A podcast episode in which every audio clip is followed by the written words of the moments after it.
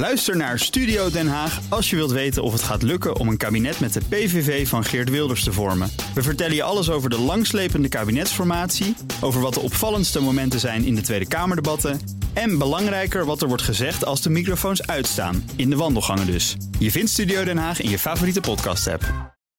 De column van Bernard Hammelburg. In een land dat in zijn 3500-jarige geschiedenis nog nooit één dag vrijheid heeft gekend, is het extra dapper om te doen wat in een democratie een grondrecht is: demonstreren. Petje af dus voor de Chinezen die de moed hebben om versoepeling van de absurde coronaregels te eisen. In zo'n 15 steden zijn inmiddels enkele tienduizenden mensen de straat op gegaan met een onvermijdelijk gevolg: hard politieoptreden en het blokkeren van verzamelpunten. Om de demonstraties voor te stellen als bedreigend voor de regering of zelfs een mogelijke opstap naar de val van Xi Jinping is wensdenken. Van een opstand zoals in het verleden is geen sprake. Er zijn wel wat demonstranten die anti-Xi-teksten scanderen, maar de meeste mensen zijn vooral woedend omdat ze nu al drie jaar van de ene totale lockdown in de andere gaan. Aanleiding was de brand in een flatgebouw waarbij tien mensen omkwamen omdat ze als ratten in een coronaval zaten. Anders was het in 2019 en 20 in Hongkong en in 1989 in Peking toen demonstraties uitmondden in opstanden.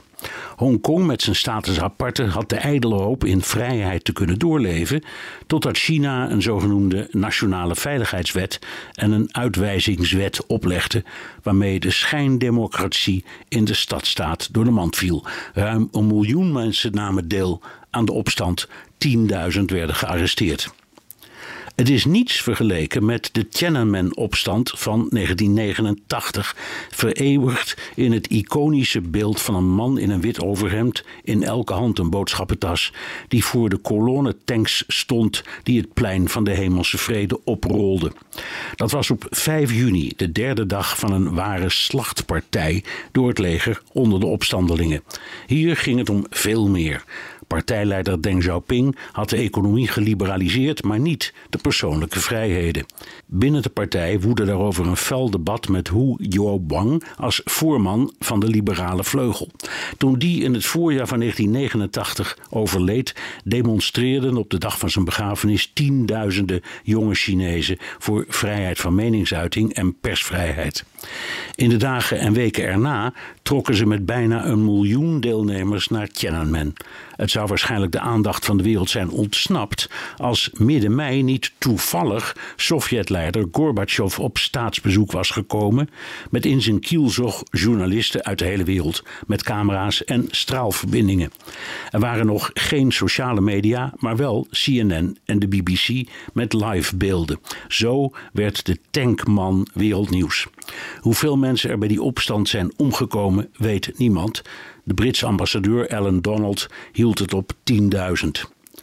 Tankman verdween. Niemand weet wat er van hem is geworden. Van de huidige demonstranten zullen we evenmin nog wat horen. Zo gaat dat in een land dat in zijn 3500-jarige bestaan nog nooit één dag vrijheid heeft gekend.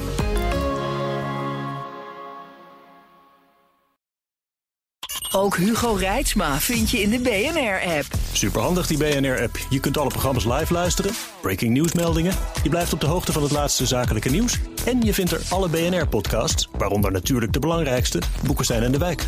Download nu de gratis BNR-app en blijf scherp.